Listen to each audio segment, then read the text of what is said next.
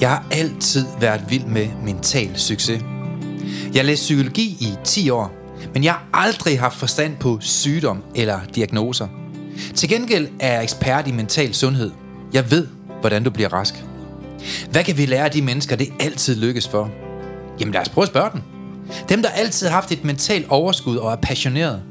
Hvilke principper kan vi lære fra den nyeste forskning inden for positiv psykologi til at udvikle vores egne færdigheder? Brugbar viden, som du kan bruge i dit eget liv til at føle dig bedre tilpas, selvsikker og glad.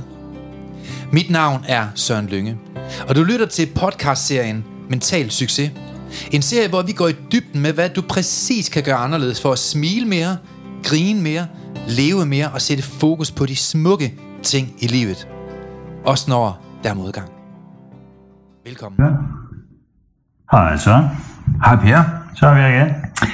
Ja, under andre omstændigheder. Det må man sige. Hvad gik der galt, eller hvad gik der rigtigt? Ja, jeg tænker mere, hvad går der rigtigt? For lige nu, der sidder jeg, jeg er inde på et værelse i Malaga, Ja, og kigger ud over havudsigt. og vand og bjerge. Ja, ja, det er sindssygt. Vi sidder oppe på et bjerg. Og, og Per, øh, det var det, der er fedt. En gang om året, så er vi jo hernede.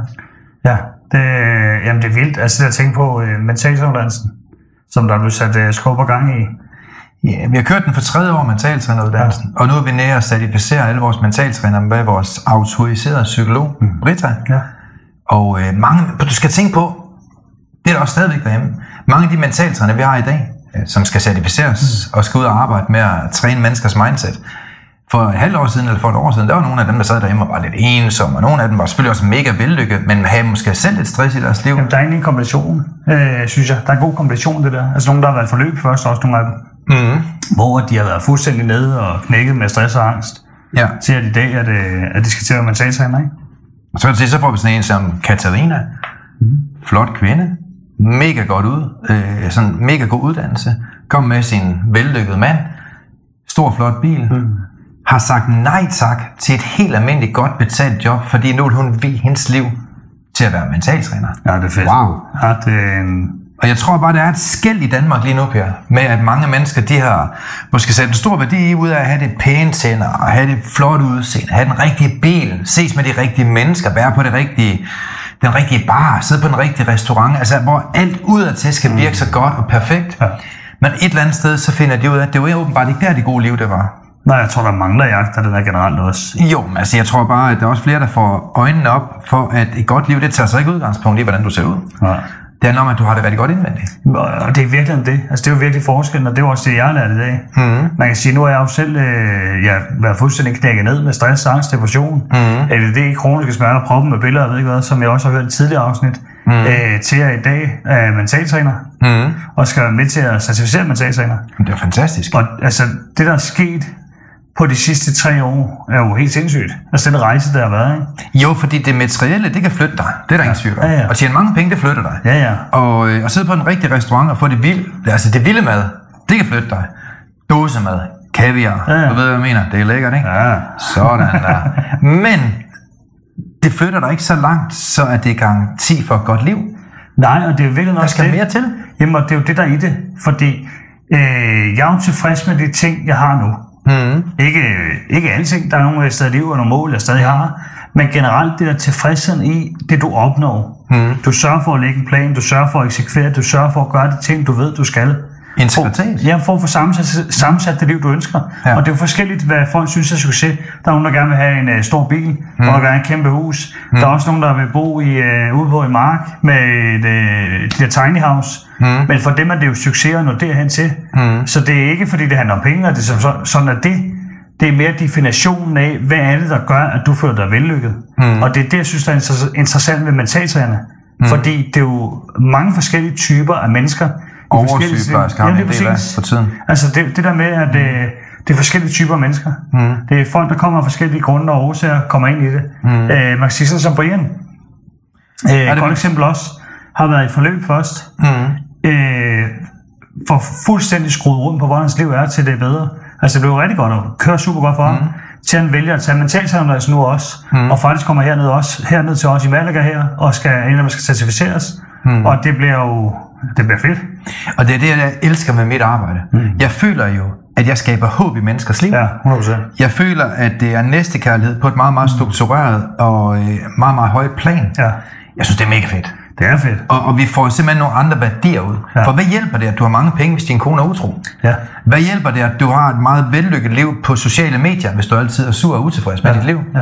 Eller hvis at du måske udadtil er en person, men indvendigt er en helt anden sted i dit liv. Ja. Og der vil jeg jo mene, at mange af dem af jer, der er derude nu, og sorry den dårlige lyd, det er jo fordi, vi sidder på et lille værelse med to små mikrofoner. Og på et bjerg. Og på et bjerg, ja. men, men der, hvor du er i dag, om et halvt år kan dit liv se helt anderledes ud. 100%. Det handler om bare ét valg. Bare ét valg kan ændre hele dit liv. Jamen, jeg kan jo se det selv. Altså, fordi de, alle de små valg, det der med, man behøver ikke komme forløb først, bare lige for at så have sagt det også. Mm. Øh, jeg havde behov for det i hvert fald. Jeg havde behov for lige at få noget sparring. Der Og er også mange lige det havde jeg. Jeg havde mange ting, der skulle gøres op med, mm. inden jeg følte, jeg er klar til at tage Ja. ja. mentalsuddannelse. Mm. Fordi det er jo ikke for alle. Altså, Nej. for at sige det, som det også er. Nej, vi skal ikke have Øh, alt muligt skræmmende ind. nej, vi altså- ambitiøse mennesker ind, der vil være med til at gøre en forskel for andre Ja, og sådan nogle, hvor det bliver en passion. Det bliver mm. en passion for mig, og det er det jo også for alle, de, alle dem, der kommer ned her i år, mm. og skal ned og have undervisninger ned, og nogle af dem certificeres også. Der er det jo blevet en passion for dem også, Mm, det er af fedt. forskellige årsager. Og det er det, der er fedt. Så jeg tror også, at øh, jo mere man ser, der kommer mennesker ind af forskellige art, jo flere der kommer, jo lettere, eller ikke lettere, det, det, det lyder så forkert, men mm. det bliver lettere at hjælpe flere mennesker ude i Danmark. Og det er der behov for. Ja, det er der nemlig behov for. Det er faktisk ikke første gang, jeg har været i udlandet med medborgere. Nå. Jeg har fortalt om Michelle, min gamle assistent. Og hun må altså gerne... Øh, altså, vi var jo i Thailand sammen, hvor vi var nede og lave noget. Og øh, jeg glemmer aldrig nogensinde, så vi, hun er jo en meget høj pige. Mm. Jeg tror, hun er 1,86 eller sådan noget. Altså virkelig høj, ikke? jeg kan ikke og, og, vi skal så ind, og så er hun også... Hun er ikke, sådan, hun er ikke nips. Og så kom vi så ind i den her øh, kvindebutik, og hun går så og kigger på noget tøj nede i Thailand, ikke? Og så lige pludselig kommer hen ekspedienten hen til, og så siger hun, No, no, no, no, no, no, no, no, no, ma'am. We don't have elephant size. Det er bare... Ja. Jamen, sådan noget, det griner hun bare. Det er jo ligeglad med. Hun er fuldstændig ligeglad. Det er bare griner, ikke? De er jo 1,40, ikke? Og hun er 1,90. Sådan der. Ja, det griner det der. Men nu er vi her, Ja. og det er mega fedt. Og det her, det handler ikke øh, kun om, at man kan blive mentaltræner. Nå. Det handler også om, hvad kan du gøre i dit, på dit arbejdsplads? Ja. Hvad kan du gøre for at få et bedre mindset i din familie? Hvad vil der ske, hvis du hengav dig selv til at få det bedre indvendigt, kun i stedet for nødvendigvis kun at bruge dine penge på dit, dit udseende, ikke? Det her synes jeg også er interessant, at du nævner der, fordi mm. nu kan godt afsløre det uden at sige navnet på virksomheden, men der er en større dansk virksomhed, som egentlig har en ude, der gerne vil blive mentaltræner ved os, som vi så kan have i egen virksomhed også. Altså det er en, der er gang blive uddannet, som, som kan bruge det arbejdsmæssigt også. Mm. Og det synes jeg er interessant også jo. Så Ja, fordi det er åbner bare dit gode døre. budskab videre. Jamen det er også det, og så også, mm. hvad kan man sige, socialpædagoger har vi nogle af jer også. Vi har sygeplejersker også nu. Mm. Også nogen, der er på et psykiatrisk sted.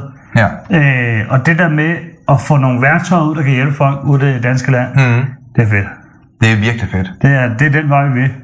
Og så er det jo fedt at være i Spanien. For der skal man jo kun tænke halvt så hurtigt for at få succes noget ned.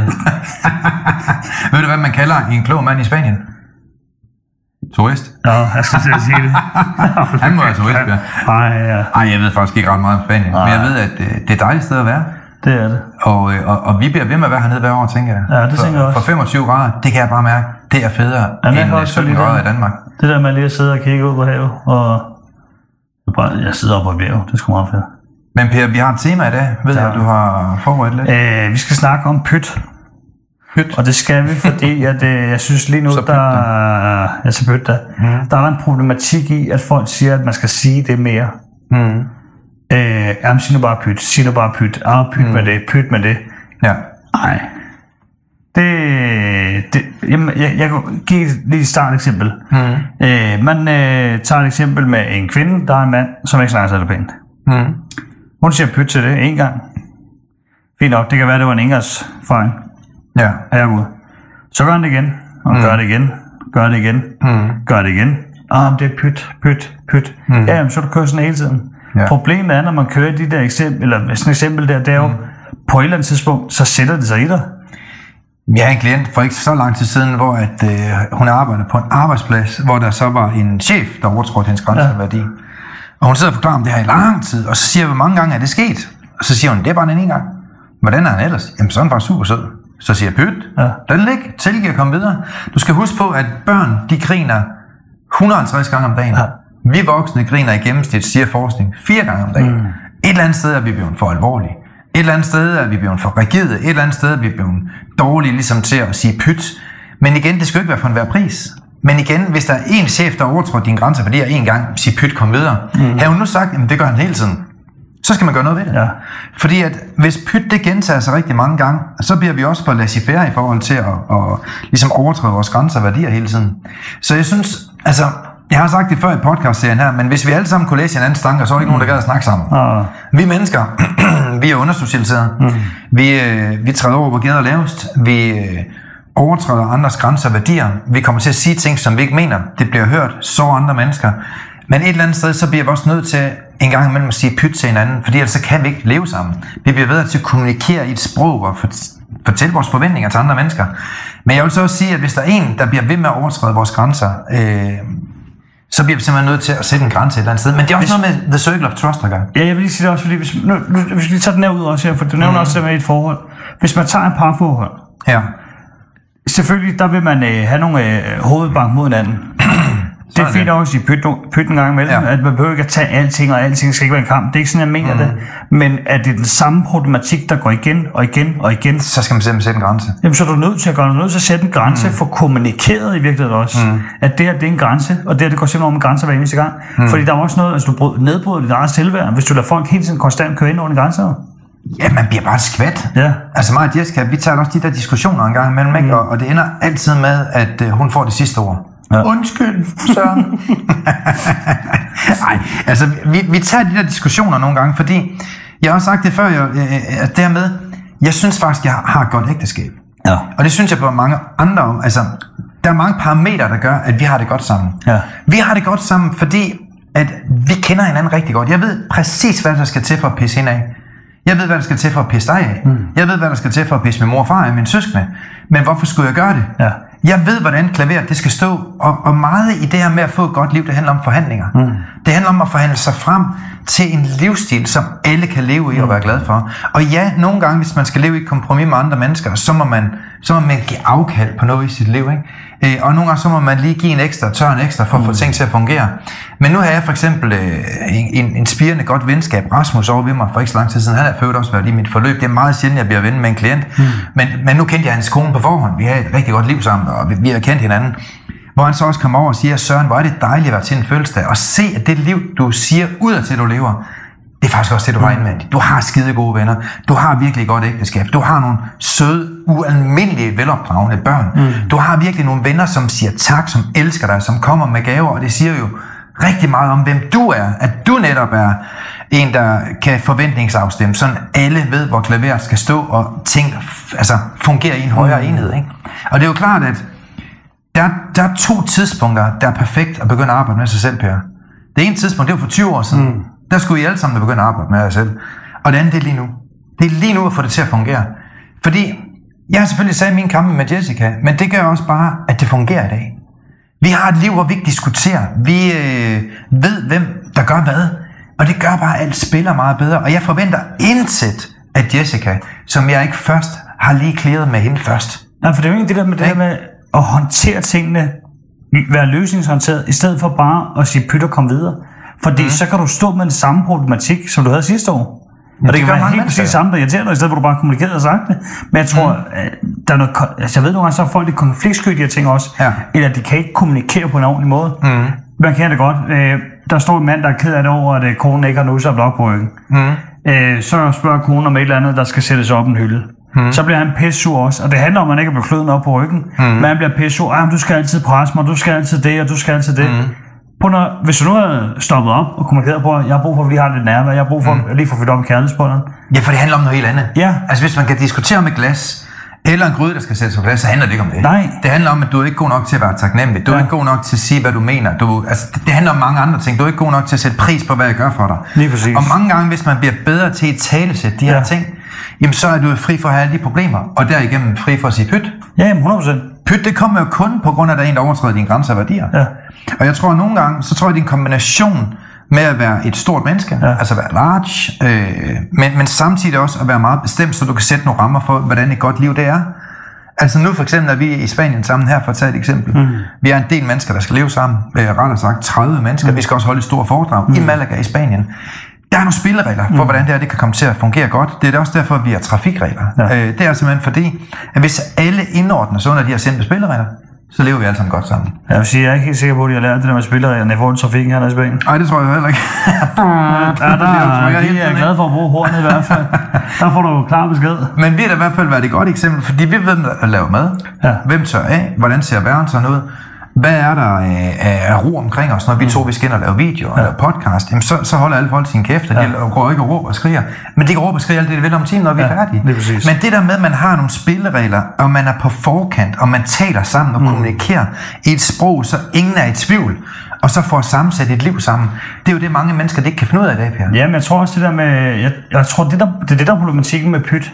Mm. Det er, at man i stedet for et eller andet sted tit så tilbagetrækker man sig bare siger pyt. Mm. I stedet for egentlig at tage kommunikationen. Og, man, kan- man kan sige det. Du, s- der er nogen, der skal på, de skal på ferie, en familie. Mm. De skal sammen med deres svigerforældre og det ene og det andet. De er 10 mennesker afsted. Ja. De skal være i sommerhus sammen. Mm. Men det, så er der nogen, der får sagt et eller andet til en, og personer er fornærmet over det nu. Så mærker man ja. det i stemningen også. At mm. du skal bare sige pyt. Den person, der selvfølgelig skal sige pyt, mm. føler det er gået over deres grænser. De får ikke sagt noget. Nej, men det går et eller andet sted og bliver passiv og aggressiv i stedet for. Mm. Og så kører den videre ud i det der også, så det ødelægger stemningen et sted. Næste gang så kommer en situation, mm. så er de allerede vrede, for de har gået og bygget det op over flere dage. I stedet for at få sat sig ned og kommunikeret og få snakket om ting med det samme. Mm. Fordi jeg tror, der er mange, der er bange for at diskutere. Der er mange, der er bange for at tage en konfrontation. Og det er problemet, Per. Det er det, der er problemet. Præcis det, der er problemet. Det er, at man ikke kan s- lade stå op for sig selv. Ja. Og, og, og ligesom tale og i talesæt, hvordan en god dag skal være. Ja, fordi man behøver, der er mange ting, jamen, så står man og hisser sig op og diskuterer Europa. Nej, mm.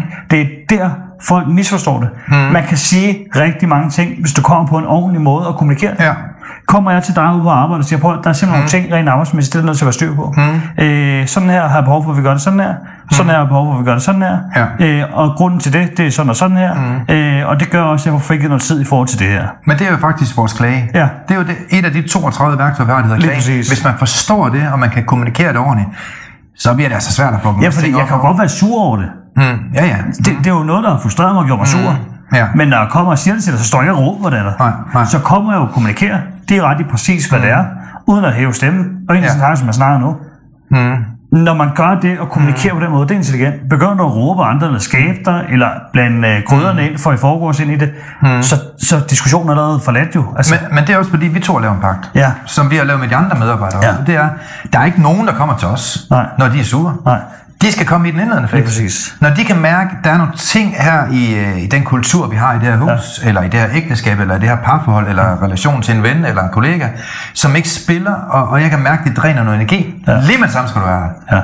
Fordi mange af verdens største problemer kunne have været løst, mens de endnu var små. Jamen, og det er egentlig sjovt, fordi jeg sidder og snakker med en af de andre herude før. Netop fordi vi så snakkede med pyt. Mm. Øh, jamen, man kan jo ikke bare sige pyt, når det, er- når det er problematikker det ene og det andet. Eller skal man bare sige pyt. Så siger man, har du et problem eller en følelsesmæssig krise, mm. så har du allerede fucket den op tre led for inden. Øh, Så har du ikke været der i den indledende fase, jo. Nå, jamen er det, er det det, der er? Så siger man, prøv ja. Mm. Altså, man kan sige det med økonomien. Mm. Altså, får du en regning ind ad døren, du ikke betaler. Hvad sker der sjovt nok eller andet, ikke? Så kommer der den næste konsekvens, mm. det er, at øh, du får en rykker. Mm. Betaler du ikke den, så får du en rykker. Mm. Og det gør du tre gange. Hvis du så ikke reagerer på det her, mm. Så kommer der en, en kassovarsel eller advokat, eller hvad der, er, der kommer efter der. Mm. Øh, og så, så er vi henne i noget krise og noget, ikke? Øh, så jeg tror også, det der med, kan man tage og fange de her ting inden? Jamen altså, man er jo selv købt det her produkt på et eller andet Ja. Man ved præcis, hvornår regningen kommer. Ja. Man har skrevet under på det. Og man har forhåbentlig også lavet et budget. Så hvis man ellers har haft lidt mellem ørerne, så har man jo haft styr på det med de regninger ja. her. Fordi samtlige af de regninger, du får, har du så sjovt nok selv bestilt i dit liv. Ja. Og de mennesker, som har lidt mellem ørerne, og som virkelig vil gerne have et roligt liv, de lader jo ikke økonomi stå i vejen for, hvorvidt man får det godt eller dårligt. De laver et budget Ja. for styr på tingene. Og så bruger man rent faktisk ikke flere penge, end man har. Og, og det samme kan man jo gøre i, i vores relationer, i vores parforhold.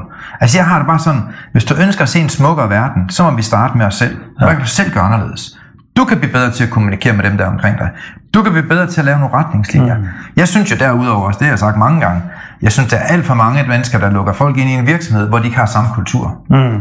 Ud med sådan noget skram, og find nogen, der har samme kultur som dig. Øh, sådan man, man har en spilleorden på, hvordan en virksomhed den skal mm. køre, hvad, hvad agenda der er. Og det synes jeg også i et parforhold. Jamen inden du lukker alt muligt skrammen ind i dit liv, så lær dog de mennesker at kende, som du inviterer ind i din tilværelse. Ja, for det var også det, jeg sagde før. Så siger jeg, tror du vil være i et dårligt forhold? Hvad, hvad er grunden til, at du kommer i et dårligt forhold med en mm. mand, der ikke snakker pænt til dig? Mm. Det er fordi, du har sagt pyt for mange gange jo. Ja, du har jo, du har ladet ham overtræde dine grænser og værdier, plus at du måske med stor sandsynlighed slet ikke kendte ham, inden du gik ind i den Nej. relation. Så det er også simpelthen, når du ser de der ting i de indledende Mhm. faser, problematikken der også. Fordi det er sjældent, og det er både mand og kvinde og det ene andet. Mm. Selvfølgelig, man er forelsket i starten, der er det ene andet, der mm. det hele kører rundt. Der er nogen, der sammenligner lidt med en psykose, ikke? Med forelskelse. Jo, det er nok heller ikke helt af. Nej, og, og det der med, men mm. der er jo stadig de her ting, de der røde flag, man overser, og man ignorerer, og alt det i starten, og bare siger pyt til. Mm. Fordi det er det, man gør. Du siger pyt til de her ting. Man er jo lidt naiv i virkeligheden. Ja, og så, står, så siger du pyt, ah, mm. det er kun en enkelt gang, han gjorde det. Ja, Ja. nu er det to gange, han har gjort det. Nu er det ti gange, han har gjort mm. det. Ja. Nu er du i forhold med ham, nu bor du sammen med ham, Ja. og han behandler dig helvede til. Eller hun behandler dig af helvede til. Der er det jo, fordi du, du har sagt pyt for mange gange, i stedet for at handle og håndtere det. Ja, fordi et eller andet sted, så skal man jo sætte sig selv op til at ligesom kommunikere, hvad er det for et parforhold, jeg gerne vil have. Ja. Og hvis du ikke formår at kommunikere det med den, du har valgt ind i dit liv, så har du opskriften på et lorteliv. Jeg vil gerne sige noget af det der, som nok kommer til at provokere rigtig mange. Mm. Og det er et eller andet sted også, som man skulle selv lidt skyld i nogle gange, hvad man sætter sig i. Ja. Øh, og jeg har jo selv været eksempel, klassisk eksempel i mange situationer i forhold til relationer og venner, det og det andet, mm. og med det familie også, at jeg ikke får sagt fra. Ja. Øh, men, Hvad, hvad kunne det for eksempel være, tænker du, når du siger det? Jamen det kan være i forhold til, hvordan der blev sagt til mine børn nogle gange. Okay. Af andre familiemedlemmer. Mm. Øh, og der ser jeg ikke fra, ligesom for, for det, så tænker jeg, "Ah, vi tager dem bare, når vi kommer hjem, så kan vi lige mm. snakke med dem. Nej, prøv, mine unger skal ikke lide, at jeg ikke kan sætte en grænse. Nej. Det er mit ansvar, det er mm. mig, der er forældrene. Det gør jeg også i dag. Mm. Men jeg gør det på en ordentlig måde. Mm. Jeg har haft en situation også, hvor jeg ligesom har kørt ud derefter og siger, prøv at der er simpelthen nogle spilleregler, når du er sammen med mine børn. Mm. Der skal du ikke snakke til dem, det vil jeg simpelthen ikke have. Mm. Og hvis du har en udfordring eller med børn, så kommer du og siger det til mig, du skal ikke stå og hæve stemme over for unger. Det vil jeg ikke have. Nej. Bare så vi er fuldstændig clear om det her. Mm. Og kan du ikke forstå det, siger mm.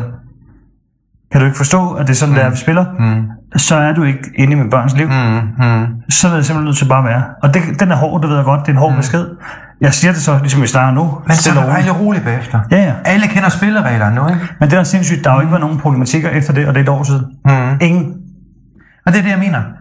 Så, så hvor lang tid tog det dig? Det var nok lige så ubehageligt for dig at tage den snak, som det er for alle andre danskere. Jamen, og jeg har brugt Men du fik det inden. gjort. Jamen, jeg har brugt to år inden på at være frustreret over det her. Ja. Måske 200 gange. Ja. Og hvor meget krudt har du brugt på det? Meget. Altså, der er Du nogle har lagt nogle flere tusind timer. Og så, ja, det her med at tage sig sammen og udøve selvdisciplin, som lyngemetoden handler rigtig meget om, det her med at se og forstå, hvor meget det her kvarter, det gavner dig resten af dit liv. Ja. Ja. Vil du lige ringe op til Karsten? Og ja, det er hårdt at ringe op til Karsten og sige, Karsten, vi to, vi skal lige have en snak. Den måde, du taler til mine børn, det bliver lige nødt til. Og så laver man selvfølgelig klagen, og så i tale sætter man det. Det tager max i kvarter, for dernæst at leve et liv i frihed og have det problem mindre resten af dit liv. Og det, Det er jo genialt. Det er derfor, jeg bliver så provokeret af. Fordi jeg har også fået den at vide, det der med pyt. Du skal bare sige pyt. Mm-hmm. Øh, det har jeg så gjort i to år, hvor det har fucket mig op i, jeg ved ikke hvor mange timer. Ja. Det har ødelagt familietur, det har ødelagt weekendtur, og det ene mm. eller andet familievedkommende, min egen lille familie, mm. har det ødelagt en masse ting. Fordi jeg ikke selv har stået for det her, og fordi jeg har sagt pyt 200 gange. Jamen folk, de får lov til at trampe på dig. Ja, i stedet for bare at håndtere det, stille og roligt. Og det er jo en anden kultur, ja. den del af familien åbenbart kommer fra, ja, Ja, som ja. har nogle andre værdier, hvor det eksempelvis er i orden at råbe og skrige af børn. Og ved du, det kan vi jo ikke forandre i. Sådan er det hos ham. Ja. Men når man så skal samspille nogle mennesker på et sted, så bliver der simpelthen nødt til at være nogle nye trafikregler. Ja. Og det må minimum være i samtlige venskaber, du har i dit liv, og minimum være i forhold til den partner, du gerne vil leve med resten af dit liv. Men, men Per, hvor mange mennesker bruger ikke krudt, masser af energi på, hvorfor sagde han det? Hvorfor gjorde hun det med mig? Jamen, må han mente det? Mm. Eller hvad tænker hun, når jeg siger det? Eller hvorfor øh, sagde han det? Eller skal det altid ske for mig? Eller hvorfor valgte hun ikke mig til eller fra? Eller et eller andet, du ved. Man misbruger jo millioner af timer på sådan noget ligegyldigt lort, i stedet for at tale med folk omkring tingene. Og jeg synes egentlig, at jeg har været rigtig god til at i tale sætte forventninger til mine venner. Altså, Både hvem, hvem betaler hvad. Nu har jeg altid haft et lidt specielt liv, hvor jeg har jeg har et stort hus, øh, og jeg har mange venner, der er bedre sådan, til at arbejde praktisk, end jeg har, og de gør mange ting for mig. Men til gengæld, så har jeg haft mulighed for lige at være på ekstra timer på arbejdspladsen, mm. som så selvfølgelig gør, at jeg har på ekstra timers udbetalte mm. penge, som så gør, at jeg ofte er den, der betaler middagen inde mm. i byen. Men det udligner sig jo meget godt, fordi deres arbejdskraft til at lave min faldstam, eller hvad det nu kan være, ikke? Den, den udligner sig jo meget godt med, at de får en gratis middag. Ja. Øh, og så hjælper vi hinanden øh, som venner, kan man mm. sige, ikke? inden for rimelighedens grænse selvfølgelig. Men det der med, at vi i tale sætter, vi hjælper hinanden, vi, vi, vi, vi i tale sætter forventninger, det gør bare, at jeg kan ikke mindes, hvornår jeg har været uvenner med nogle af mine venner, eller Ja. med Jessica. Altså, jeg har ikke nogen, hvor jeg gang på gang har brug for at sige pyt. Så nogle gange så tror jeg også, man skal spørge sig selv, er jeg blevet for nærtagende?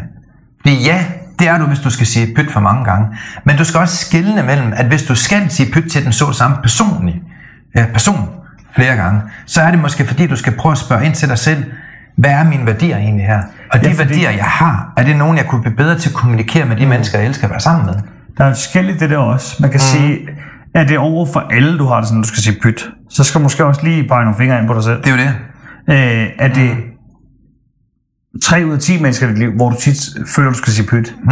så skal du lige undersøge det her også. Altså, så er det nok måske noget med det Ja. at gøre, eller noget i den relation, der ikke er tydeliggjort i hvert fald. Mm. Fordi det skal jo ikke være som at løbe rundt og sige pyt hver dag. Nej. Og det tror jeg virkelig også, at det er mange misfortolker, at man tænker, ah, pyt, og det går nok, og det går nok. Mm. Ja, så går man bare sådan en... Øh, tænker at livet bare øh, udspiller sig, og man får ikke rigtig handle på noget.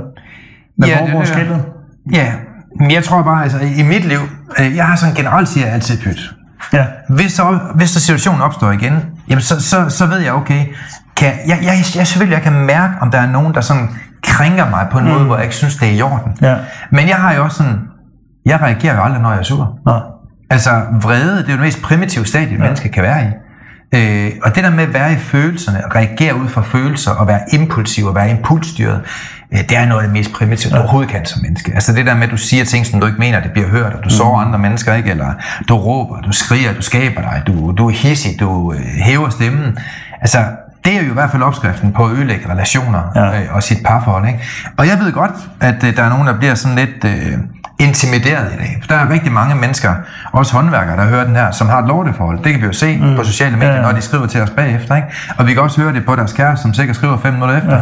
Ja. du ved, Ja, ja. Hvor hun ikke satte sig på, at han har skrevet eller hørt det. Men et eller andet sted, så kan man sige, der er virkelig ualmindelig mange forhold, der lever, hvor de ikke kommunikerer særlig godt sammen. Ja. Og der vil jeg jo mene, i stedet for at sidde og sige pyt hele tiden, så prøv at blive bedre til at kommunikere. Prøv at være bedre til at stå op for dine rettigheder. Prøv at være bedre til at i talsætte værdier. Prøv at være bedre til at sætte jer ned sammen. Og prøv at blive enige om, hvad er indbegreb af en god ferie. Mm. Nu fik jeg et nyt spirende venskab for 10 år siden, øh, øh, på et tidspunkt, hvor jeg har, har lært en fyr at kende, der Martin. Øh, han kommer fra Anders, men det kan han jo ikke gøre for. Og øh, så sker der det, at vi skal på vores første skiferie sammen. Vi kender ikke hinanden særlig godt. Han skal have fire børn med, jeg skal have fire børn med. Og jeg ved, der er stor sandsynlighed for, at noget det går dårligt. Mm. Så inden at det gik dårligt, i den indledende fase, inden vi overhovedet har pakket alt vores lort, så ringer jeg til Martin og siger, Martin, hvad er en god ferie for dig? Øh, tager vi ud og spiser sammen? Og selvom Martin han har penge til det, så kunne jeg bare høre, det gør man ikke. Det er for dyrt en år. Fint. Hvad, hvad, hvad ligger så? Laver vi mad sammen derop? Kører vi ind derop? Ej, nej, sindssygt, det gør vi heller ikke. Alt for dyrt. Man tager noget med hjemmefra, og så forbereder maden, maden lidt hjemmefra og varmer den op. Jeg tror bare, hvis jeg ikke havde i tale sat den mm, problematik, ja. kom derop, spille arrogant, kunne jeg nok godt virke i hans øjne, at vi tager bare ud og spiser det lige meget. Mm. Men i virkeligheden, det var noget, han ikke rigtig synes var okay. Mm. Så har vi haft en masse konflikter. Men jeg kunne jo godt forstå, hvordan jeg skulle indordne mig under det her. Det var hans sommerhus. Det var hans agenda. Det var ham, der er kaptajnen. Vi besøger mm. ham, det er ikke omvendt. Så kunne jeg mærke, og Jessica, vi skal lige lave en 3-4 retter. Det skal ind over gryder. Det skal forberedes, mm. så det bare skal varmes. Og ved du hvad, den tur, den blev så ukompliceret. Jeg spurgte også Martin, hvad, hvordan kan I godt lide at bruge aftenerne? Sidder vi og snakker sammen? Sidder vi og spiller kort? Sidder vi og ser fjernsyn? Jamen, mig og Charlotte, vi elsker bare at sidde og se en film, en serie, som vi følger med i, med en gin og tonic eller et eller andet. Fedt. I pejsen, og så er det det, vi gør, mm. hvor man ikke taler for meget, fordi så er man træt, ikke? Han, han- det viste sig så i sit praktisk, det var sådan, fordi jeg kan huske, at jeg kom en par par gange og siger, øh, vil du have en gin og tonic? Nej, jeg vil godt have noget fred og ro, siger han så. eller, eller, vil du have en Raider, eller en, en Mars bar, eller eller? Nej, jeg vil hellere have pengene. Du ved, altså, man kan bare mærke, at når man lærer hinanden at kende, og man lærer de der spilleregler, de der sociale spilleregler, så bliver alt relation meget nemmere og meget bedre, og vi har en fantastisk tur. Og fordi at jeg vil antage, at de også synes, vi var super søde og spille under de normer og de i går så en trafikregler, der var, så fik vi en fantastisk tur, ja. og sidenhen har vi været sammen med dem masser af gange. Altså det er jo nogle af vores tætte venner i dag. Ikke? Jo. Og ved du hvad? Sådan en relation og et venskab, Per, det får man bare ikke, hvis man holder kæft, hvis man ikke åbent taler om, og i tale sætter, hvad er rart, hvad er en- god aften for dig, hvad er en god aften for mig, hvordan kan vi få det her til at spille, øh, er det kun den ene, der altid skal lave mad, og de andre bare skal sidde over sofaen med benene op, men men jeg synes heller ikke, vi skal gøre det så kompliceret. Altså, Nej, så, men- så svært skal det ikke være at kommunikere sammen. Nej, og det, det der er undrer mig i dag, er, at vi bare blev rigtig dårlige til at kommunikere. Eller hvad? Ja, 100. Fordi- Vi skriver ting. til- Altså det første dummeste, man gør, det er at skrive en sms, når man er utilfreds med noget. Ja. Det er jo helt Ja, ja. ærligt. Også til sin partner. Stop med det der fra i dag. Stop med at skrive, hvad du er utilfreds med på en sms. Kommuniker se hinanden i øjnene. Åbn med et glas rødvin, eller tag en kop te Ja. sammen og sidde og sige, hey, skal vi ikke lige tage en god snak om, hvordan vi får en god uge? Hvad har været godt? Hvad synes du har været skidt? Men nu er jeg nok også meget farvet af min egen metode, øh, lyngemetoden, hvor der er mange regler. Ja. Altså, ja, der ja. er jo regelnormer. Det er også det, der er i det, fordi Principper, jeg tror også, leve, tager, der er måske 15 værktøjer i det her, ud af de 32, som går meget hen i det her, synes jeg. Ja, det synes jeg også. Øh, fordi mm. Det definerer ligesom, hvorfor man ikke bare siger pyt. Lige nøjagtigt. Fordi jeg, jeg, jeg bliver lidt trigget, når folk siger, at det er bare pyt. Nej, det er ikke bare pyt hele tiden. Ja. Fordi du kan ikke sige pyt til alt, og så tænker alt bare bliver godt. Ting bare løser sig selv. Hvis du ikke handler på noget, du ikke gør noget for det, Ja. og du ikke kommunikerer, du ikke ordner de her ting også. Men jeg tror virkelig, det handler om også, okay, folk snakker ikke sammen. De kommunikerer de er bange for at tage konfrontationer. De er konfliktsky. De tænker, "Jamen, det kan jeg ikke snakke med ham om, eller det kan jeg ikke snakke med hende om. I stedet for at sætte sig ned i en ramme. Hvis du ikke kan gå til din mand med hvad som helst og snakke, så har du et seriøst problem. Men det er også noget med selvværk, hva'? Ja. De tør ikke stå op for sig selv og sige deres mening. Nej, og hvis du ikke tør gå til din kone, eller din veninde, eller din ven, eller din familie, Ja. hvis du ikke tør gå til dem, så er der et problem. Ja. Og det er du simpelthen nødt til at gøre noget ved. Fordi du kan ikke ligge og underminere dig selv konstant. Fordi du skal please andre, eller fordi du ikke træde på en andens grænse. Jamen, du er nødt til at sætte dine grænser, så må Ja. folk være der eller ikke være der. Og det er virkelig den også, jeg har taget til mig selv. Jeg er, som jeg er i dag, Ja. og det bliver jeg ved med at være. Det kan godt være, der er nogen, der synes, jeg er hård, eller siger ting direkte. Jeg siger det på en pæn og respektabel måde, øh, i forhold til, hvis det stemmer over i forhold til mine værdier. Stemmer det ikke over mine værdier, og du overskrider dem, og du bliver ved med det, så kommunikerer det også til dig. Jeg sviger dig ikke til, jeg råber ikke af dig, jeg snakker ikke om dig til andre, men jeg kommunikerer direkte med dig. Ja, og ved du hvad? Hvis ikke folk de kan løbe, hvor der er jævnt, så kan de leve de liv, de vil. Det er da Ja, ligeglad med. men jeg tror bange, mm. folk er bange for sådan med, ah, men øh, hvis jeg mister en ven. Ja. Så du, det du fortæller mig, det er, jamen, du mister en ven, så du vil hellere behandles dårligt hver evig eneste gang, du er sammen med ham. Gå hjem bagefter og have det dårligt over det. Sidde og overtænke over det, og sikkert også blive bagtalt Og sted. bruge 579 timer på det, Ja. frem for at bruge 5 minutter på at sætte, øh, sætte dig selv i karakter, Ja. hive noget selvværd frem, lave en agenda på, hey, hvordan får vi den her tur til at gå godt, eller den her relation, sådan man kan, man kan gå på kompromis. Det er jo faktisk en af de smukkeste ting, man gør, det er, du får ikke ret, jeg får ikke ret, men vi finder en fælles måde at leve på, som, som vi begge to bliver rigtig glade for. Ja, fordi jeg kunne huske, at min kammerat, det har det også, for at sige på, at det, her, det går simpelthen langt over med værdier med grænser. Mm. Hvis du ikke kan indordne noget af det her, så kan mm. vi ikke have en relation. Fordi mm. jeg kan ikke acceptere det sådan der. Ja. Det er fint nok, hvis det ikke er sådan, du har det. Men mm. det er sådan, jeg har det. Så hvis vi skal have en relation, og vi skal ud og spise sammen med det eller andet, mm. så, er det sådan, så er det sådan, spillereglerne er fra min side i hvert fald. Ja. Det har han så respekteret fuldstændig også i dag, og forstod det også, det som sagde det. Mm. Men Per, de fleste de vil faktisk også gerne betale prisen for et godt venskab. Ja, ja, 100%. Også selvom der er en pris. Jamen, og, og, og, og, jo, der er også nogen, der er rådet. Der er nogle mennesker, Sådan er der reglen. Men jeg ved også, jeg kan også se, hvordan de har udviklet sig videre. Mm. Jeg ved også, hvem det er, der vil sidde og bagtæmme mig, som skulle bagtæmme mig i dag. Ja. Det er ikke dem, der er her nu. Det er Nej. dem, der var der tidligere. Mm. Fordi jeg har også det der at sidder folk og snakker dårligt om dig til andre, og til, mm. til dig om andre, så snakker vi nok også om dig til andre. Her er lige nøjagtigt. Altså, så det der med, øh, lad være at sige pyt til det der også. Mm. Lad være at få alt det der skrammel og krat mm. ind. Det er jo sørgeligt karaktertræk, de Ja, med altså få håndteret de her ting. Mm. Få lad være bare sagt pyt i de her indledende faser, når du ser de her ting også. Du skal ikke bare sige pyt. Nej, du skal, du skal adressere problemstillingen. Ja. Men jeg kan godt tænke mig lige at tage den op med den der opvask igen. Ja, Fordi det er fuldstændig den klassiske diskussion om, hvem der tager opvasken. ja, Dermed, at mange gange, så handler den diskussion ikke, hvem der tager op, altså om, hvem der tager den opvask. Men den handler om en række bagomliggende, dybere problemstillinger, som mange mennesker de er svært ved at tale om. Øhm, og, og den dybe, dybere diskussion om, hvem der tager opvasken, den handler typisk om noget helt andet. Og der mener jeg, Per, den handler om ikke at tage ting for givet, for. Ja. Den handler om, jeg føler mig ikke værdisat i vores forhold. Den handler om, jeg føler mig ikke accepteret. Jeg gør mange ting, men jeg føler ikke, du accepterer mig. Mm. Eller jeg føler ikke, at du er taknemmelig. Eller jeg føler, at du er doven. Øh, Jeg gør rigtig mange ting, men du lader bare dit lort ligge overalt og tager for givet, at jeg skal gøre det hele for dig. Eller det kan være noget med noget så simpelt som at vise hensyn. Mm. Altså meget sofistikeret, meget, meget vellykkede mennesker, de tager jo hensyn til andre. Ja. Det gør vi også. Hvis du er ondt i ryggen, så tager jeg jo hensyn Ja, til dig. Øh, Men det er der nogle mennesker, der ikke kan finde ud af. Øh, Det handler om at være forkælet, for eksempel. Det her med, at jamen jeg synes, at jeg, jeg lægger mig ned på knæ foran dig hver dag, men du gør ikke noget den anden vej.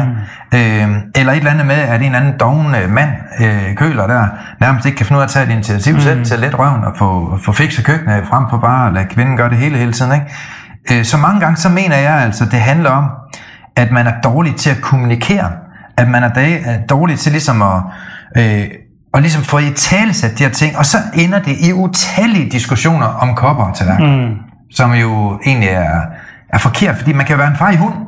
Eller andet. Det kan jeg også være. Jeg kan også være en far i hund, hvor jeg ligesom prøver nogle grænser af. Men Jessica er jo den anden vej god til også ligesom at i tale til at sige, prøv at kammerat, dertil er jeg ikke længere. Ikke? Og når det sker, så oplever jeg jo, at det der med pyt, det er jo fuldstændig sat ud af funktion her.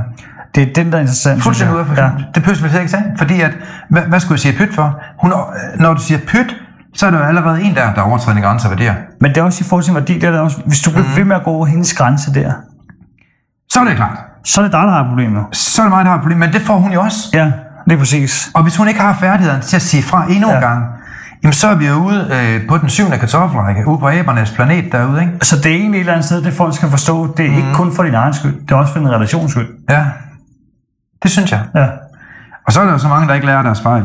ja. De får jo så fejlet lidt her, man får det ikke gjort, og så øh, gik det ikke så godt i forrige forhold, det gik så heller ikke så godt i det sidste forhold. Og nu lever man så med en ny stodder, eller med en ny øh, kvinde, som, hvor, det ikke lige, øh, altså, hvor de ikke løber, hvor der er jævnt. Ikke? Øh, Og så har vi jo igen problemstillingen. Men Ja. ja. igen, så vil jeg bare lige sige, nogle gange, Per, så, så skal vi også også bare sige pyt. Altså, Ja. ja. hvis det er noget med nærtagenhed at gøre. Ja, ja, ja. Hvis det er noget med, at øh, du egentlig kunne blande dig udenom, det er ikke en skid med dig at gøre. Ja. Ja. Sig pyt og kom videre. Der er en, Ja. der giver dig fingeren i trafikken. Hvad rager det mig, mand? Jamen det er også det, en det er det engangstilfælde, det der også, ikke? Altså så, Fuldstændig Ja. ja. ligegyldigt. En, der giver os en dum kommentar, vi kender ham slet ikke. Ja. Ja. Altså, siger pyt, han har, han har et dårligt liv. Altså, hvis der er nogen, der ikke kan lide dig i byen, så kan de jo ikke engang lide sig selv. Nej. Og det er jo der, vi skal have pyt ind. ja, man kan også se det på Ikke? Facebook, altså, der kan, alle kan blive svinet til, det kan jeg se. Jamen, der er mange regelrytter bag, bag tastaturet. Jamen også bare folk, der sviner til for at svine til. Mm. Øh, Der synes jeg, man skal sige pyt og være ligeglad. Jamen, jeg kan huske, der- jeg har en i forløb også, hvor der har været en artikel om, så jeg skriver mm. en, en eller anden åndssvær kommentar, men den rammer ja. faktisk, så siger man, prøv at, Ja. du har fået 1000 gode kommentarer. Så er der den der ene idiot. Mm. Men det er nok, fordi han har noget med sig selv. Som oftest, hver evig. Ja, det er det 100%. Altså, mm. det er jo fordi, man, enten så har du noget mindre værd, eller så har du nogle issues med dig selv, hvis du Ja. ja. sidder og kommenterer på andre. Mm. Den er ikke længere. Mm. Så kan du diskutere herfra til juleaften, men har går du ind og kommenterer negativt på andre mennesker på den måde, Ja. så vil du have det svært selv, og du har issues selv, så er den bare ikke længere. Men jeg tror bare, Per, det, her, det handler også om, at der er mange, jeg ved godt, vi har været lidt inde på det, men der er mange, der ikke står op for sig selv. Ja. Altså, der er mange, der ikke ligesom siger, hey, det her det er det, jeg vil have i mit liv. Slut, længere. Ja. Det vil jeg have i mit liv. Øh, jeg, jeg byder selv ind på noget, der er meget bedre, så jeg ved, jeg har krav på at kunne få det her. Og så handler det om at lave nogle spilleregler selv, sammen med de relationer, man har i sig. Ja, og så få de her ting ind. Ikke? Både på arbejdspladsen, i sine relationer til venner, nede i badmintonklubben, eller kurveflet, kartoffeltryk, hvad man nu tænder på, ikke? Øh, eller hjemme i ens parforhold. Ja, fordi har du i virkeligheden, hvis du havde styr på alting, styr mm. på alt øh, relationsmæssigt, mm. familiemæssigt, forholdsmæssigt, økonomisk, alle de ting også, har du styr på alt, mm. hvad er det så, du skal sige pyt til? er det. Så, så er det jo realiteten kun til, hvis der er nogle fremme, der kommer et eller andet. Og det er fint også. Og det er også der, jeg hellere vil ud. Men hjemme i din eget, hjemme, mm. hvad der er dit, i relation og alt det også, Ja. der skal du ikke gå bare og sige pyt, for det er noget, du er i hver dag. Jeg er helt enig. Og jeg ved ikke, om jeg... Eller fik du sagt, at det faktisk var nogle af vores øh, trofaste lyttere, som har taget det her tema op?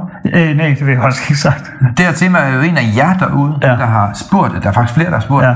Øh, fordi de har haft meget svært ved at vide, hvornår skal man sige pyt, og hvornår skal vi ikke sige pyt. Vil du lige rise op til sidst, så den lige sidder helt skarpt? Mm. Hvornår siger vi pyt? Hvornår siger vi ikke pyt? Vi siger pyt, når det er nogen, som vi ikke er tæt på. Når det er nogle tilfældigheder, der sker. Når der er nogen, der er sådan lidt sporadisk en enkelt gang overtræder vores grænser og Ja. værdier. I trafikken, på arbejdspladsen. Et eller andet, hvor det ikke er intimiderende for vores livskvalitet. Noget, hvor det, hvor det ikke virkelig går ind og, og berører os. Mm. Men når det er noget, som er noget med vores værdier, vores normer, vores parforhold, vores regler, vores trafikregler at gøre, hvor man overtræder grænser og værdier, så siger vi ikke pyt. Så i tale sætter vi det og får styr på den kultur, der er imellem os. Øh, og det synes jeg, det er enormt vigtigt. Og så ja. synes jeg, generelt skal vi alle sammen være bedre til at få styr på, øh, hvad for et liv vi gerne vil have. Mm. Og så prøve at kæmpe for at få det liv, vi gerne vil have. Altså jeg kan huske bare, inden jeg fandt Jessica, der havde jeg jo lavet mange regler for, hvad for en kvinde jeg ville have i mit liv. Og jeg tror ikke, vi har haft en... Vi har ikke haft et spirende forhold i ret lang tid, før jeg lige tog en helt dyb snak med hende. Så er det ligesom overstået. Mm. Jeg kørte den på den der 80-20 Der er altid 80% gode ting, der er 20% dårlige. Hvad er dine 20%? Og kan jeg leve med dem, ikke? Øh, og der måtte jeg stå foran spejlet og spørge mig selv, kunne jeg leve med de 20% hun bød ind med, der ikke var særlig gode? Mm. Men jeg fik også præsenteret, hvad er det for et menneske, jeg gerne vil have i mit liv? Jeg synes, jeg spiller ind med noget godt. Altså, jeg har sagt til dig mange gange, når jeg går ind i et indkøbscenter, så føler jeg, at hele det indkøbscenter, alle de kan lide mig. Mm. Jeg er pisse sød, jeg er sjov, jeg er hengiven, jeg er tålmodig, jeg er nærværende, jeg er god til at hjælpe andre mm. mennesker. Hvis man ikke kan lide mig, så er man da helt brændt af. Øh, men, men mange andre, de går ind i det indkøbscenter på mange områder og tænker, hvad tænker de andre om mig? Jeg kan få lige mine nye sko, og de følelsesmæssigt er afhængige af, at man skal have en masse ros, og man skal se sig alt muligt. Sådan noget, det er jo det skidestød. Mm. Øh, og den mængde af krudt, de bruger på det, den, den bruger jeg på at tænke øh, over, hvem, hvem, har, hvem sidder og skærer i sig selv derhjemme og har et lorteliv, mm. og hvem kan jeg hjælpe? Hvem kan jeg lige give et smil til? Så sent som i går, øh, inden vi skulle ud og rejse, så var jeg nede på pizzeria, hvor der var en, der stod udenfor. Han, han så virkelig ud, som om han var sulten. Og lige pludselig var der bare en stemme i mit hoved, byder ham på mad. Øh, det gjorde jeg så. Det viste sig så, at han faktisk bare og vente på mad. Han egentlig, det, det, var så fint nok. Han havde bestilt, han havde jo bare pengene til det. Den her mis, øh, den, den er simpelthen misstået. Jeg, jeg synes, han lignede en, der, at der var lidt sødt, at der ikke havde nogen penge. Ikke? Mm. Og et eller andet sted, så er jeg bare glad for, at jeg var tro mod mig selv. Mm. Øh, at, at jeg var hjælpsom og sådan noget. Ikke? Og, og, og jeg bruger meget mere krudt på, på at have mine antenner ude i forhold til, hvem kan jeg give et lille smil? Mm. Vi kender det jo selv, når der er en, der giver et kompliment på, på nye sko, hvor, hvor glade vi bliver. Ja. Og et eller andet sted, så synes jeg bare, at den person, du gerne ser andre være, prøv lige at være den selv først. Mm. Så det er det, jeg bruger mit krudt på. Jeg tænker, jeg skal ikke være andre om mig, det er jo lidt skide stykke. Og da jeg så begyndte at, at komme ind og have et spirende forhold til Jessica, jamen så havde jeg sådan en agenda på, hvad er det for en kvinde, jeg gerne vil have mm. ind i mit liv. Hva, punkt 1, hun skal have nogle gode værdier. Det sagde jeg til hende på. Du vide, at jeg går virkelig meget op i, at du har nogle gode værdier. Jeg går vildt meget op i, at du er ærlig, du er åben, du er lojal. Hvis du ikke er nogen af de her ting, så skal du ikke ind i mit liv. For du ryger ud lige snart jeg fundet ud af, at du har fyldt mig med løgn, og du er en anden end den, du udgiver for at være. I så fald, du er det. Nå, og lige præcis det der. Mm. Fordi det er der, hvor folk siger pyt. Ja. I den fase der, mm. så får de Jamen, nu er de tre måneder hen i forholdet. Eller... Det er så latterligt. Og så får de sagt, pyt, ah, det går nok. Det var Tænk, bare hvor mange ting. smerter. Og du tror, du kan forandre ham. Ja. Hvor dum og naiv ham lov Ja. at være. Du kan forandre ikke sådan en klovn, som, som er egoistisk og selvcentreret, og der har brændt 25 forhold af før Mm. dig, mand. Der bliver du simpelthen nødt til at finde en for aller øverste hylde, som har de kvaliteter, du gerne vil have. Man må ikke sige pyt der. Nej, Man må der ikke skal sige du ikke sige pyt. Det er lige præcis det modsatte, du du gøre det der. Jeg sagde også til Jessica, prøv at du skal have integritet. Det du ja. udgiver dig for at være, det er også det, du skal være. Og hun var jo mere end hvad jeg drømte om. Mm. Altså integritet, altså Jessica, hun er virkelig det, hun udgiver sig for at være. Hun er the real deal. Du skal have styr på dit liv. Du skal være villig til nusse mig. Det fik jeg vist også, så klø mig på ryggen. og sådan noget, ikke? Øh, fodmassage. Du er lidt, jeg nævnte det, er tidligere, det det er- småt brandbart med dig, ikke? Stor skrald. Øhm, du skal være villig til at passe ind i mit specielle liv. Jeg har et specielt liv. Jeg rejser rigtig meget over hele jordkloden, og jeg har brug for en, som har den forståelse for, at jeg har et specielt liv. Jeg hjælper mange mennesker hver dag. Hele mit liv, det er jo et liv, hvor jeg øh, har hengivet mig til at, ja. at hjælpe både mentaltræner til at hjælpe andre, men jeg også selv mm. øh, udlever det eksempel og sådan noget. Ikke? Du skal være naturlig, du skal være sød, og du skal have et stort hjerte for at hjælpe andre mennesker. Øh, det var også Jessica og jeg, hun, hun var med første gang, vi hjalp øh, fattige og ensomme juleaften, Ja. som vi så gjorde seks år i træk den 24. december. Ikke? Du skal ikke prale, du skal have selvtillid. Du skal kunne elske mine børn mm. og være tolerant, og vi skal finde nogle fælles værdier. Og ja, mine børn, de skal ikke komme ind som en kile mellem os to, og det skal dit barn heller ikke. Mm. Men fordi vi fik de snakke, Per, og vi fik ikke bare én snak, men jeg fik for lov til ligesom at fortælle, hvad jeg virkelig følte, hvad jeg virkelig mente, og hvilke behov jeg virkelig havde, men også hvad jeg selv var villig til at byde ind med. Mm. Så fik vi så mange gode snakke om mm. det. Øh, og det gav os anledning til at leve et liv, hvor vi netop ikke overtrådte hinandens grænser og værdier. Øh, Jessica, hun sagde selvfølgelig også, hvordan hendes liv det så var. Og en af de ting, hun så havde i de 20 procent, det var så, at hun havde blevet kørt ned, eller kørt på. Mm. Så hun var halv handicap, ikke? Øh, det er også derfor, jeg tit har sagt, når hun har ikke glemt sit handicapskilt i bilen, hun ser godt ud og ser, mm. fungerer nogenlunde normalt, ikke? Men hvis så hun har glemt sit handicapskilt, så siger hun, så kan du bare lægge et billede. Nej, nej, jeg, altså... Men, Var men, det et hendes, billede af dig, hun læste der? men hendes 20 procent, det er jo så, at en gang imellem hun så mange smerter, så at hun, hun har bare brug for at være sig selv. Det er lige præcis det der, fordi det er sådan en, hvor man kan tænke, jamen, er det så at sige pyt til det? Nej, fordi det, det er jo en pagt, vi har lavet. Yes. Men det jeg så sagde, jeg kender også mig selv så, så godt, så jeg sagde, "Men det er fint nok. Mm. Det kan jeg sagtens leve med, at, at to dage ud af syv, der er du smerter, der står ja. Ja. lidt alene. Men der er mange måder, man kan være alene på. Ja. Man kan have, kender du de der typer, der er alene og bitre? Mm. Så der er sådan en dyne over hele, sådan en sky over hele huset af bitterhed og vrede og irritation, og man er nærtagende, og man hakker på andre mennesker, og nu, nu skal man virkelig mm. vise, at jeg har det dårligt i dag. Så siger jeg, så, så kan jeg ikke leve med dine 20 procent. Men hvis, hvis du bare har det dårligt, men du kan være i, i god så en godt humør, mens du har det dårligt. Altså være i smerterne, uden at du skal ødelægge mit humør. Mm. Jeg, jeg kan jo ikke leve af at holde et foredrag for 400 mennesker på en kæmpe virksomhed, og så sidder sådan en eller anden sur sækkestol over i sofaen, inden jeg skal ud af døren. Det, det, det, det, det duer ikke. Man bliver nødt til at have en, som, som kan være neutral og være i smerterne, mm. samtidig med, at hun ikke skal ødelægge mit humør. Mm. Men Per, de ting, det fik vi bare snakket så meget om. Øh, og, og, og, og vi fandt til en enhed, som gjorde, at øh, det, det jeg kunne leve med resten af mit liv. Mm. Men jeg tror bare, at det der er problemet med mange mennesker, det er, at de ikke er villige til at betale den pris på 15 minutter til at i talsætte den her problematik med, hvordan får vi vores liv til at fungere godt sammen. Nå, så kan de sige pyt 300 gange Så kan de så sige pyt 200 300 gange, at de går over og Ja. og bekymrer sig og ligger vågen om natten, og de kan tænke, jeg ved, hvad han gør nu, og ved, hvordan der er på hans telefon. Jessica og jeg har også snakket om, hvordan kommunikerer vi med andre mennesker. Mm. Så hvis hun ser min telefon og kigger, hvad der står i den, så får hun ikke sådan noget store chok. Fordi der har vi det, vi kalder sådan et åbent liv. Mm. Ellers så har vi jo ikke valgt at være sammen, kan man sige. Så et eller andet sted, så synes jeg også, der skal også være spilleregler for, hvordan man, hvordan er jeg mand over for andre kvinder? Hvordan er hun kvinde over for andre mænd? Øh, og så videre, og så videre. Ikke? Og lige så snart man har styr på de ting der, og så svært er det altså heller ikke, med de rigtige værktøjer, vil jeg så sige. Nej, det er også Det kan tage 15 år, Det- det, det er også det, jeg vil tage sige, 15 fordi- timer, ikke? Jeg vil nok ikke have den tanke om det, den viden om det, medmindre jeg har været de her værktøjer igennem. Mm. Det, kan det, det havde jeg ikke. Nej, men nu, nu er der ikke nogen, der skal være perfekt, og det, det, er, Ah. det er jeg jo heller ikke selv. Ah. Der er ikke nogen, der er perfekte. Det er jo ikke det, vi søger. Nej, nej. Men vi søger et autentisk menneske, som, som er villig til at betale en lille pris for at få mm. noget rigtig godt i den anden ende. Og det er du at være villig til. Ja, det er det. Og det er jo det, som vi træner andre mennesker i. Men jeg synes, vi har været sådan ret godt igennem det der med at lære at, at, at sige pyt. Men hvorfor tror du, folk de ikke gør det ved? Der må være en grund til, at mange mennesker de har svært ved at sige pyt. Eller de er, de er, de er nemt ved at sige pyt, men de har svært ved at, at, at, at få deres liv til at fungere på den måde, så at Altså, de det er fri for at pyt. nok, når jeg siger det lidt. Mm. Og det gør det, fordi jeg tror, det er fordi folk er for dårlige til at kommunikere. Det er Ja. den ene ting. Så er de konfliktsky, og de tør ikke til konfrontationer. De er bange for at sige fra for folk, for de er bange for ensomhed. Jeg tror, der ligger Så de flere er bange ting for at miste, eller hvad? Det tror jeg. Altså, tror de er bange for at miste den partner, de har valgt ind? Eller kan... Ja, men der er meget udskifterkultur, ikke?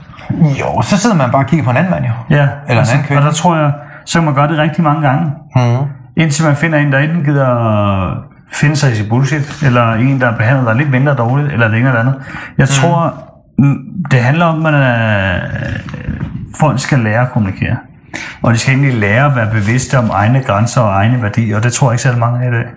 Jeg tror bare, det er den, den bedste partner, man kan få.